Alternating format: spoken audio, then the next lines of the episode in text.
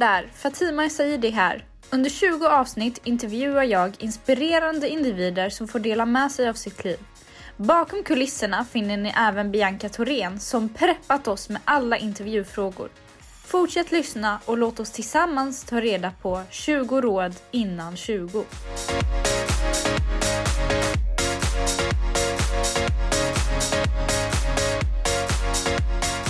Det här är podden 20 råd innan 20. Mitt namn är Fatima Saidi och med mig idag har jag ingen mindre än Kassem Matok. Hej Kassem! Hej! Hur är läget med dig? Det är fantastiskt. Kul att höra. Vi har mycket att prata om idag Kassem, Mm. men jag tänker att vi... Kan du inte introducera oss lite? Vem är Kassem? Vem är Kassem? Ehm, en 36 år ung kille från Helsingborg. Uh, växte upp här och eh, startat en del bolag genom mina år. I ganska ung ålder startade jag. Redan 2007. Så jag var 20, skulle fylla 21 det året när jag startade mitt första bolag. Ehm, lite kort och gott. En eh, familjefar. Har fyra barn. Gift. Så det är väl lite om mig. Mm. Och hur var Kassem som ung? Mm. det, beror, det beror väl på lite grann när. eh, när man, jag vill ju säga att jag fortfarande är ung. Eh, men, men när? Är det liksom en eh, 15-årig kassam eller är det en 25-årig kassam? Um, Ja, men vi kan säga tioåriga Kassem. 10-åriga kassam? Oh, det var en buse. Det var en liten buse. Mm. Eh, definitivt. Eh, växte upp på Rosengården i Helsingborg. Eh, som jag fortfarande känner jättestor kärlek till. Så jag blir ganska nostalgisk av mig när jag råkar hamna där om det är jobb eller liksom så. Så ja, nej men en, en buse. Definitivt. Mm. Och hur, hur var det som eh, gymnasieelev under gymnasieperioden? Så jag vill inte säga att jag var en buse i gymnasiet, men, men jag var väl en glidare tror jag. Jag tror att jag inte, eller tror, jag vet att jag inte riktigt ansträngde mig faktiskt tyvärr. Eh, så som jag önskat i efterhand. Eh, vilket också resulterade i att jag fick läsa på folkhögskola efter gymnasiet för att faktiskt komma ikapp med de betygen som jag behöver för att läsa det jag hade planerat att läsa, om man säger så. Mm. Men även om du kanske var en glidare så tycker jag ändå att jag kan se att det fanns något typ av potential i dig. Att du hade en drivkraft. För redan som 13-åring så gjorde du en eh, ganska sjuk grej. Mhm. Du lyckades eh, byta till dig en telefon från en femkrona. Mm, och en jättearg pappa där hemma som inte riktigt förstod var den kom ifrån. Eh, kan du inte berätta lite hur, hur det gick till? Ja men det var, det var jag, jag hade en, eh, jag hade en femkrona i fickan eh, som jag hade fått av min pappa. Och eh, jag eh, fick för mig att jag skulle börja byta till mig saker. Så jag gick runt till kompisar till att börja med liksom. Och sa, ja men kan jag få köpa någonting eller byta till mig någonting för fem kronor? Ja vad skulle det vara för någonting? Ja men eh, exempelvis, det, det var ju ett par steg liksom. Men, ett sudd i två pennor etc. Eh, så här. Och så bytte jag till mig lite. Sen efter ett par dagar så kände jag att shit, det här, det här börjar ändå bli ganska okej. Och då, eh, jag tror människan är ganska ja, men drivkraften som du säger.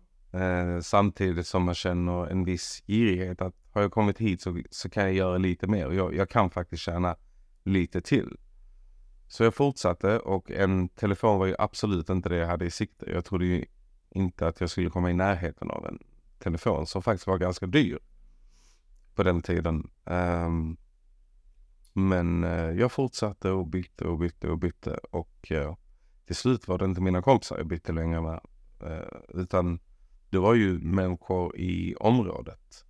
Lite äldre människor. Alltså mina kompisars storebröder eller till och med föräldrar. Eh, och när det var äldre människor så frågade de mig alltid är det okej okay för dina föräldrar att du, du byter det här? Och då sa jag alltid yes, det är klart att det är okej. Okay. Mina föräldrar visste ingenting. så så det, det, det var en liten uh, rolig resa. Men har de eh, accepterat det nu i efterhand? Ja men såklart, när, jag, när, jag, när min pappa såg den här telefonen, han såg ju ingenting längs vägen. Um, jag gömde ju liksom det jag bytte till mig, inte för att det var fel utan för att jag vill ju överraska min pappa någon dag och visa honom att kolla nu vad jag har lyckats deala till mig liksom. Um, så jag, det, det, blev den här telefonen och eh, jag minns att min, det, det, var, alltså det var frustration, eh, besvikelse och chock i ett. Och eh, han blev jättearg och trodde att jag hade gjort någonting dumt. Och jag försökte förklara, han vägrade lyssna och han, han, ja, han skrek lite på mig. Och, så att tills han faktiskt till, till slut lyssnade. Då jag förklarade för honom att jag, jag har bytt från en femkrona. Och då började han skratta. Och då blev han nog jävligt stolt istället.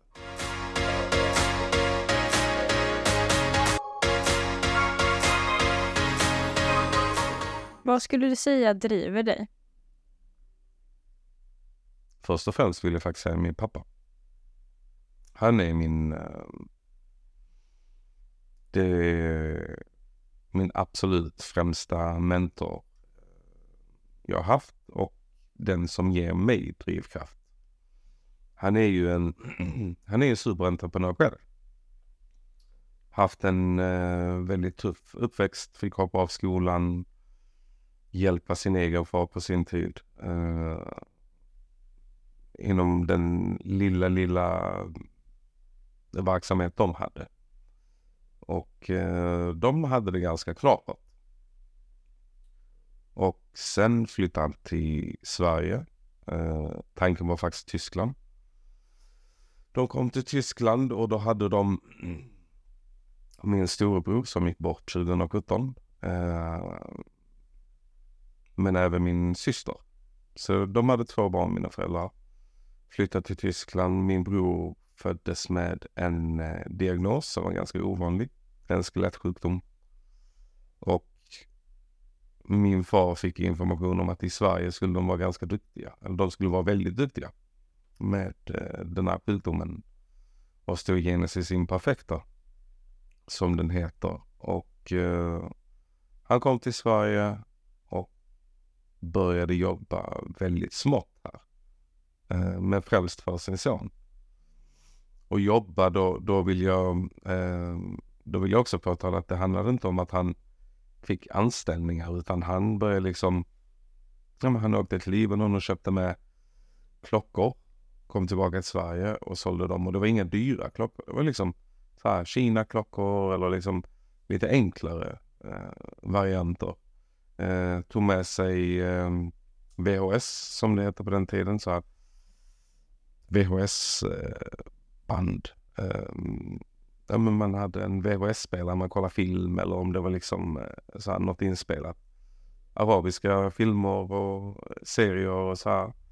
Sålde det här för det fanns ingenting. Så folk som satt hemma om dagarna, det fanns ju inte liksom kabel-tv på samma sätt. Eh, det fanns inte Netflix, det fanns inte liksom de här apparna där man kan kolla arabisk tv. Så att kom man från Mellanöstern till Sverige så kunde man inte kolla arabisk tv.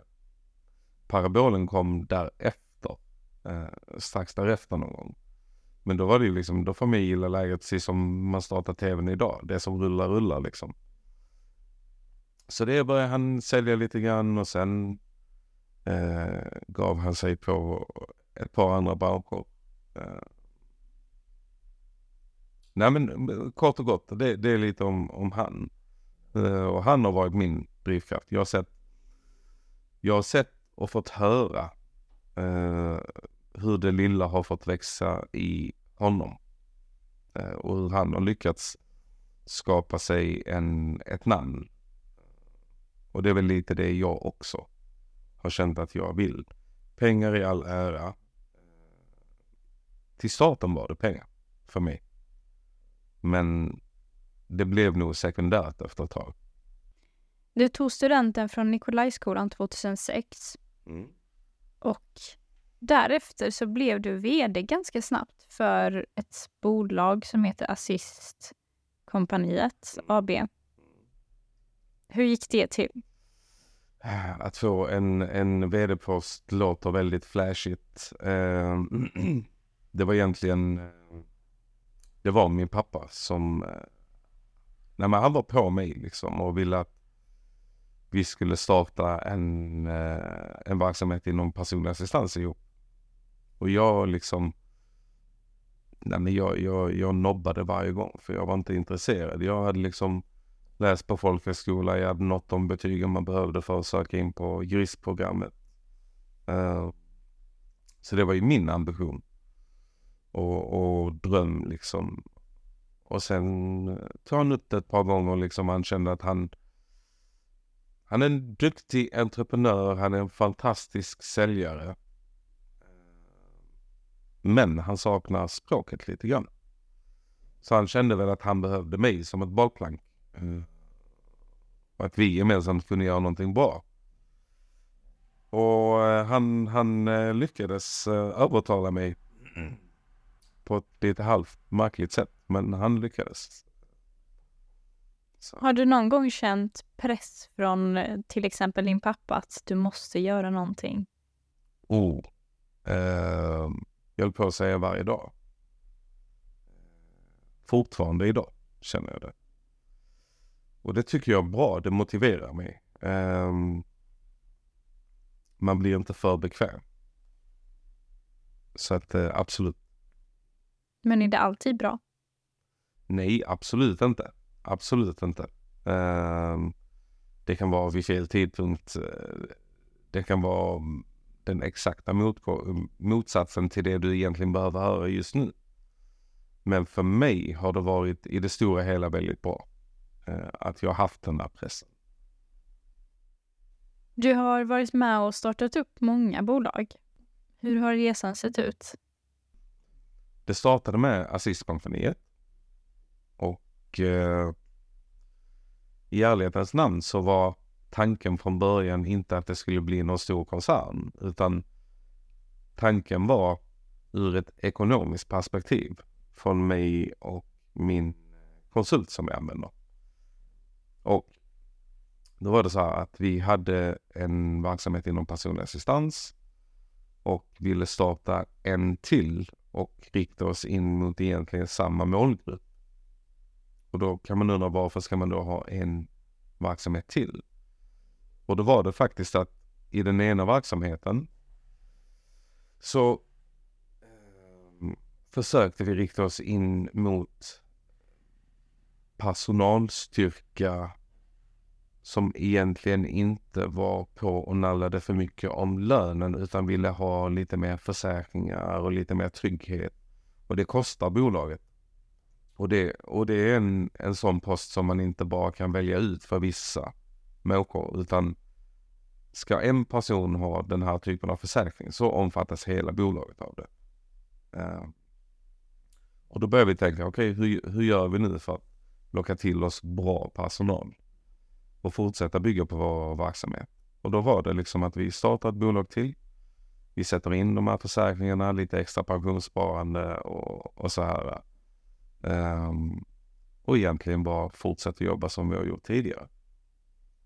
Så det var lite roligt. Eh, båda heter Assistkompaniet. Det ena heter Assistkompaniet Sverige AB. Den andra heter Assistkompaniet Svea AB. Eh, och det var lite för att vi såg det som ett bolag, vi behandlade det som ett bolag. Eh, det var samma arbetssätt. Det enda som skilde var egentligen en ekonomisk post. Och det var starten till vår koncern och när jag väl hade startat de här två bolagen så kom nästa fråga. Och då finns det något som heter 3.12-reglerna i aktiebolagslagen. För att man ska ha rätt att ta ut en aktieutdelning till låg beskattning så måste man uppnå ett visst krav på lön i varje bolag.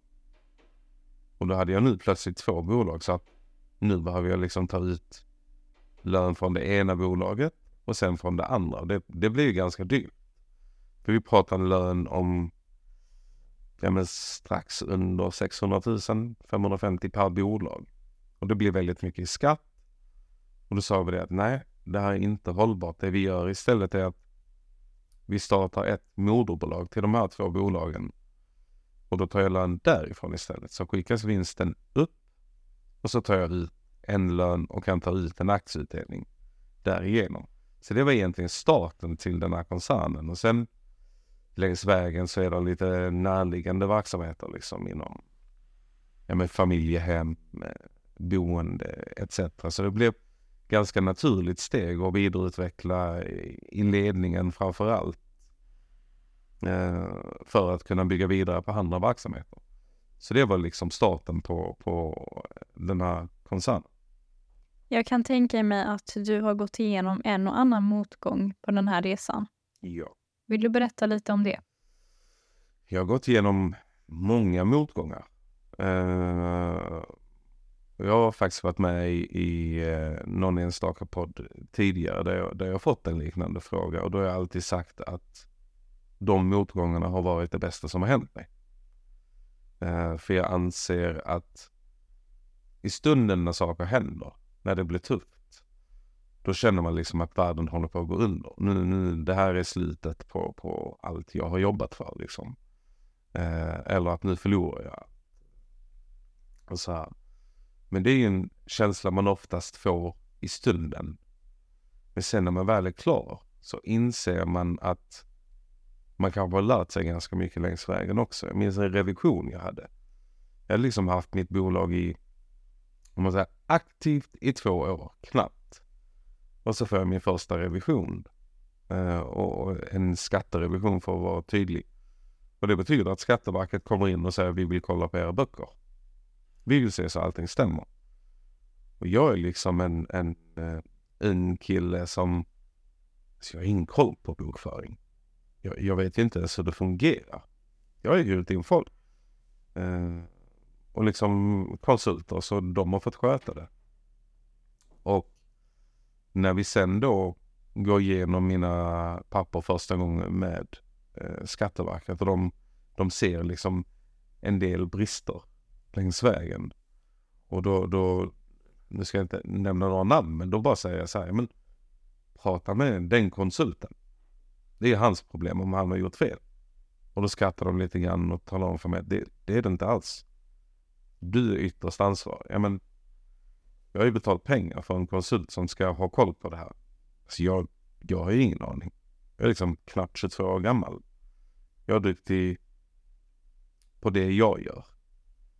Eh, jag, jag, är en duktig säljare. Jag är liksom möjligen en god ledare. Men jag, jag, jag kan ju inte bokföring. Ska man ha koll på det här också? Ja.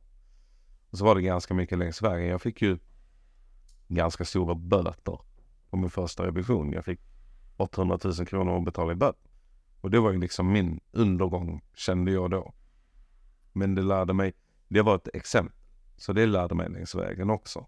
Så, um, motgångarna är inte alltid negativa. De formar dig och de bygger dig vidare.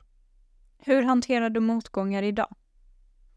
Uh, ja du, det, det är väl... Um, jag är en ganska lugn person av mig. Eh, jag är inte en sån där som blir alldeles för hysterisk.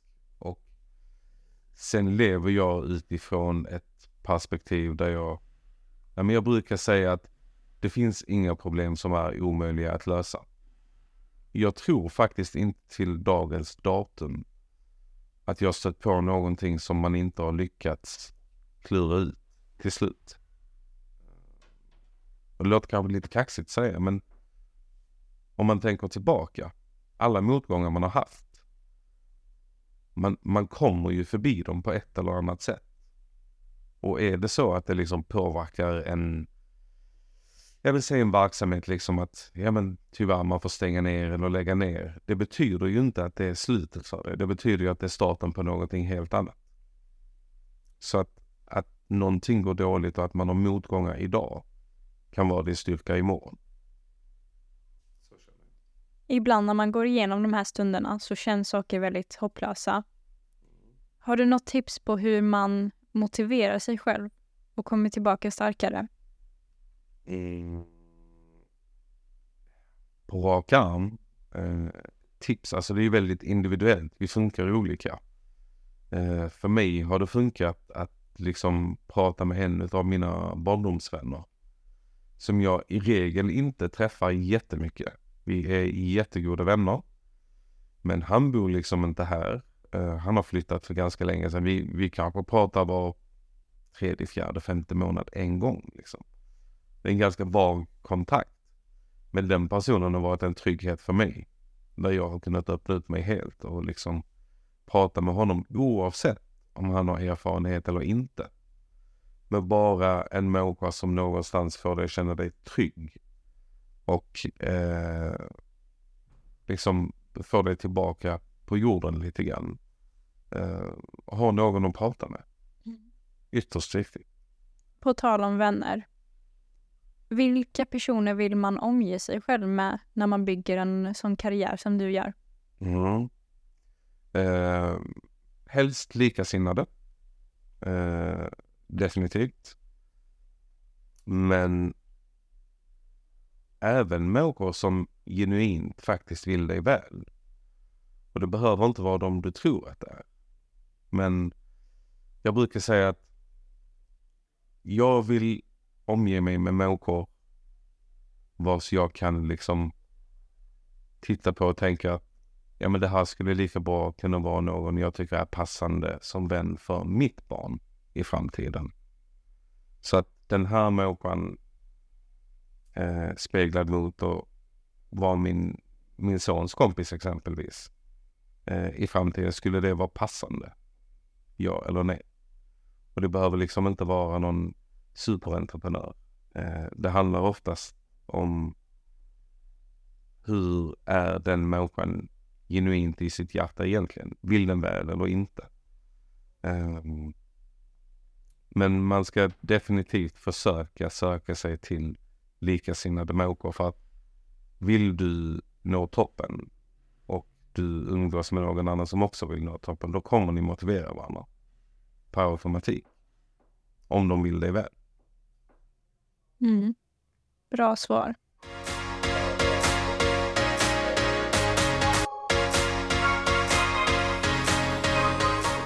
Förutom personlig assistans och den branschen så har du också varit aktiv i fastighetsbranschen.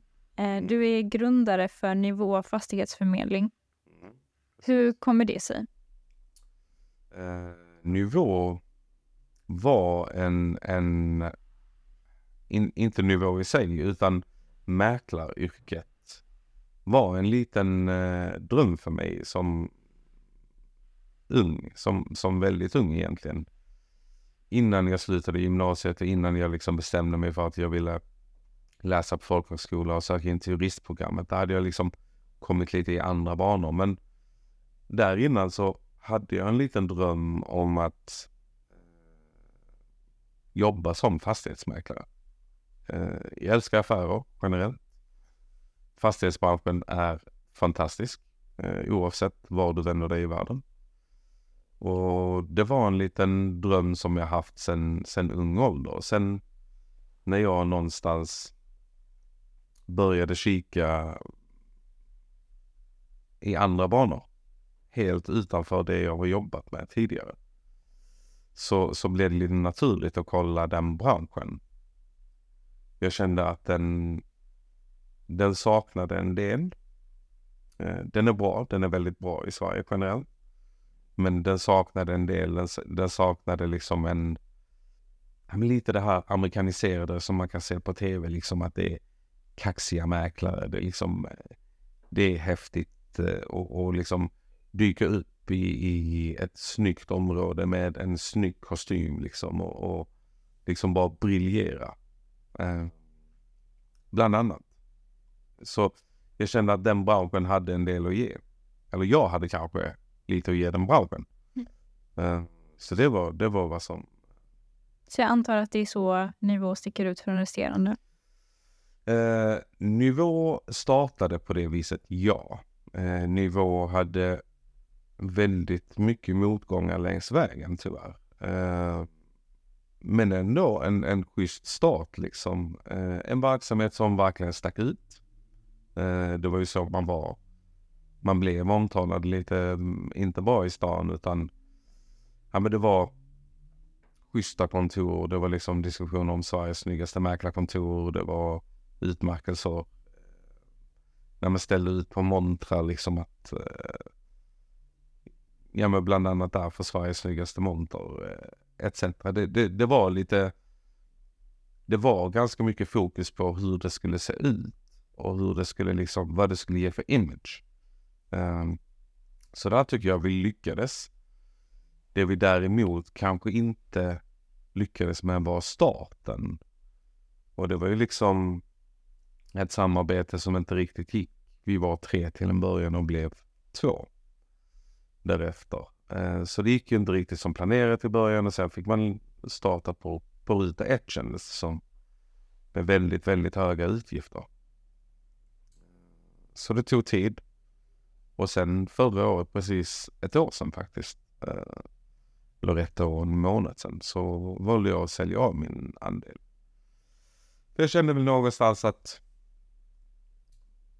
branschen är väldigt rolig men den är också väldigt krävande och skulle jag alltså skulle jag fortfarande erbjuda min personal den, den eh, hjälp och stöttning som de fick. Jag var ju liksom med och tog in väldigt mycket. De fick ju ganska mycket serverat. Så mäklarna hos oss var ju relativt bekväma till en början. Tills det att jag faktiskt pratade med min kompanjon och sa det. Du kan få köpa ut mig. Jag känner att rent ekonomiskt så, så det, det är inte hållbart längre. Och då hade jag startat upp i Malmö och Helsingborg. Och, och han kände väl att han ville göra det liksom. Och, och köpte loss mig. Och sen fortsatte han driva det och jag tror att personalen kände av det mest att det blev, det blev ganska mycket tuffare när jag inte var kvar. Tyvärr. Jag försökte stötta dem och jag, jag önskade dem allt gott liksom. Men eh, de fortsatte sin resa lite grann och sen har det väl nalkat av en del. Och de har stängt kontoret i Helsingborg exempelvis och, och så här. Så tyvärr tyvärr, så, så är det också en del av saker och ting som man stöter på längs vägen. De här typiska motgångarna jag pratade om som kan vara starten på något helt annat för mig. Känns det som ett misslyckande att det inte finns kvar längre? Det är väldigt synd. Det är jättesynd att se att någonting jag brann för så mycket och den tiden och energin man la ner på det. Att det liksom, att jag inte kör förbi varje dag på stan och ser skylten. Det är klart att det tar emot och eh, ett misslyckande både ja och nej. Eh, ja, eh, ganska naturligt utifrån att det inte finns kvar. Nej, utifrån att jag vill inte påstå att jag var orsaken heller. Jag sålde av min del och de fortsatte. Och tyvärr så gick det som det gick. Nu till en helt annan fråga. Yes. Är du nöjd med det livet du lever idag? Eh, ja. Nu, nu funderade jag lite grann innan jag svarade. Jag är eh, utifrån mitt familjeperspektiv supernöjd. Eh, mina vänner likaså. Um, karriärsmässigt. Jag är inte riktigt där än. Jag håller på att bygga en verksamhet just nu och jag är nöjd med det jag har lyckats åstadkomma än så länge. Men att sitta här och, och se trevlig ut och säga att jag är supernöjd, då skulle jag ljuga. Utan eh, projektet jag håller på att bygga är i, i Libanon. Det har ganska mycket politiska problem i det landet som gör att det blir fördröjningar väldigt mycket. Så att jag är inte supernöjd med allt, men det tar sin lilla tid och det är på gång. Och att inte vara helt nöjd kanske också kan vara en morot. Absolut. Absolut. Så. Sista frågan.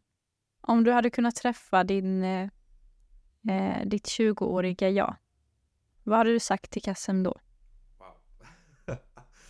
Jättemycket. Um, jag, eh, alltså man, man, man besitter ju en helt annan typ av erfarenhet idag än vad man gjorde som 20-åring när, när jag liksom startade mitt bolag exempelvis. Ehm, um, jag hade nog framförallt faktiskt uh, jag hade fokuserat kanske inte lika mycket som, som jag gjort på mitt entreprenörskap och försökt kanske spendera lite mer tid med min familj. För som jag nämnde tidigare, min bror gick bort 2017. Och det var min absolut bästa vän. Annat än att det var min bror. Och där kände jag väl någonstans att i alla fall sista året när han var, när han var lite sämre i svackor liksom. Då känner jag att jag egentligen hade velat spendera mer tid med honom. Sådär, så att lite, lite hålla nära och kära lite närmare än vad jag kanske gjorde eh, i ung ålder. Det blir enkelt ett tunnelseende och eh, världen är din. Tack så mycket Kassem. Tack själv.